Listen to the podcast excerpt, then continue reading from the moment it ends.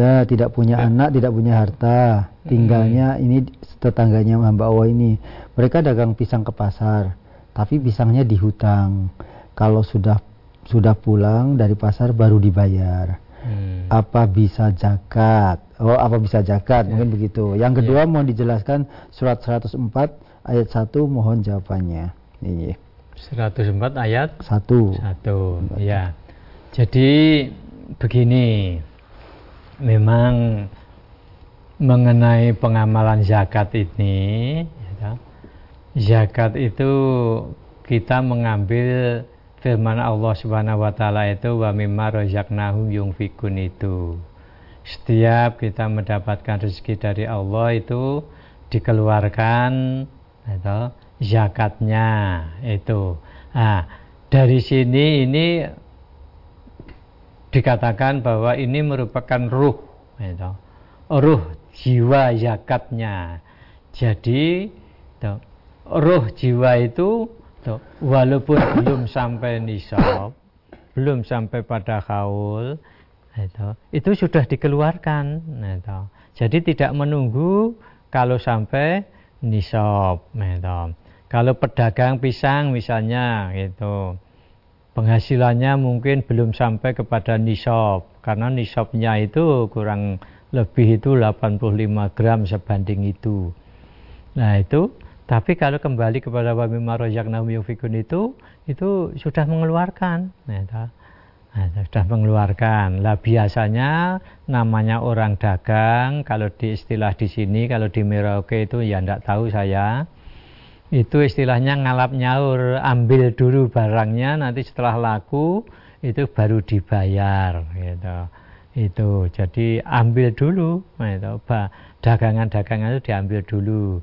Nanti setelah orang yang tadi mengambil itu sudah laku dibeli orang lalu baru dibayar itu. Jadi yang demikian itu sama saja boleh saja itu di zakati ya di zakati itu dua setengah persen itu walaupun belum sampai kepada nisab itu tadi nisab. Kaul itu ukuran disimpan selama satu tahun itu satu tahun. Itu jadi boleh saja yang demikian di zakat itu. Nah, kemudian tadi yang kedua? Uh, ayat satu surat ayat surat 104 4 al-umazzah. Apa Wailul likulli humazzatil lumazah. Mm-hmm.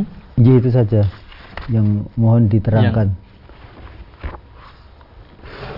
Coba sebentar saya bacanya. A'udzubillahi minasyaitonirrajim. Bismillahirrahmanirrahim. Ayat 1. Wailul likulli humayatil. Kecelakaan bagi setiap pengumpat lagi pencela. Ya, Ini di dalam ayat 1 begitu bunyinya. Maksudnya itu apa? Kalau orang itu dalam pergaulan, pertemanan, hidup bermasyarakat dan sebagainya, karena kita namanya manusia itu tidak akan bisa lepas daripada pergaulan, pertemanan, hidup di tengah-tengah masyarakat itu, itu, itu tidak akan bisa lepas pasti kita akan bersinggungan. Lah kadang-kadang itu tipe perangai dan sebagainya orang-orang yang kita kenal, entah itu teman, tetangga atau siapa itu, ya bermacam-macam juga tipe-tipe orangnya itu. Gitu.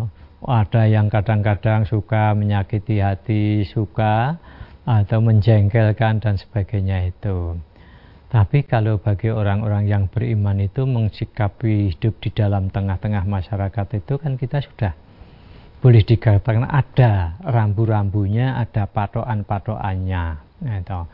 Kalau misalnya kita sesama warga, sesama apa itu agama, gitu, sesama agama itu kita bisa dengan dalil lana amaluna walakum amalukum. Mungkin beda pahamnya mungkin beda pengertiannya tentang satu dalil dan lain sebagainya.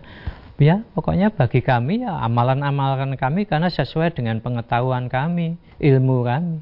Nah, bagi kamu ya silahkan kamu akan mengamalkan sesuai dengan pengertian karena memang namanya ilmu itu kadang ya tidak sama gitu. Karena sangat luasnya ilmu-ilmu Al-Quran itu sehingga bukan tidak mungkin terjadi perbedaan-perbedaan pendapat, perbedaan-perbedaan paham itu itu sangat mungkin. Gitu. Nah, maka akhirnya kalau gitu, sesama gitu, umat Islam kita ya pokoknya kamu silakan. Kalau paham saya begini, saya berpaham memahami ayat atau dalil ini begini. Nah gitu. Sehingga sering terjadi itu. Kalau kepada lain agama kita sudah diberi rambu-rambu lakum dinukum waliyadin gitu.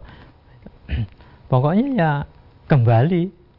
Bagimu ya agamamu bagiku ya agama aku akan melaksanakan ibadah itu ya sesuai dengan agama kamu pun juga akan sesuai dengan keyakinan atau agamamu. Silahkan gitu kita sesama manusia tidak usah saling olok mengolok itu. Semuanya nanti terserah kepada Allah hisapnya itu. Lah gitu.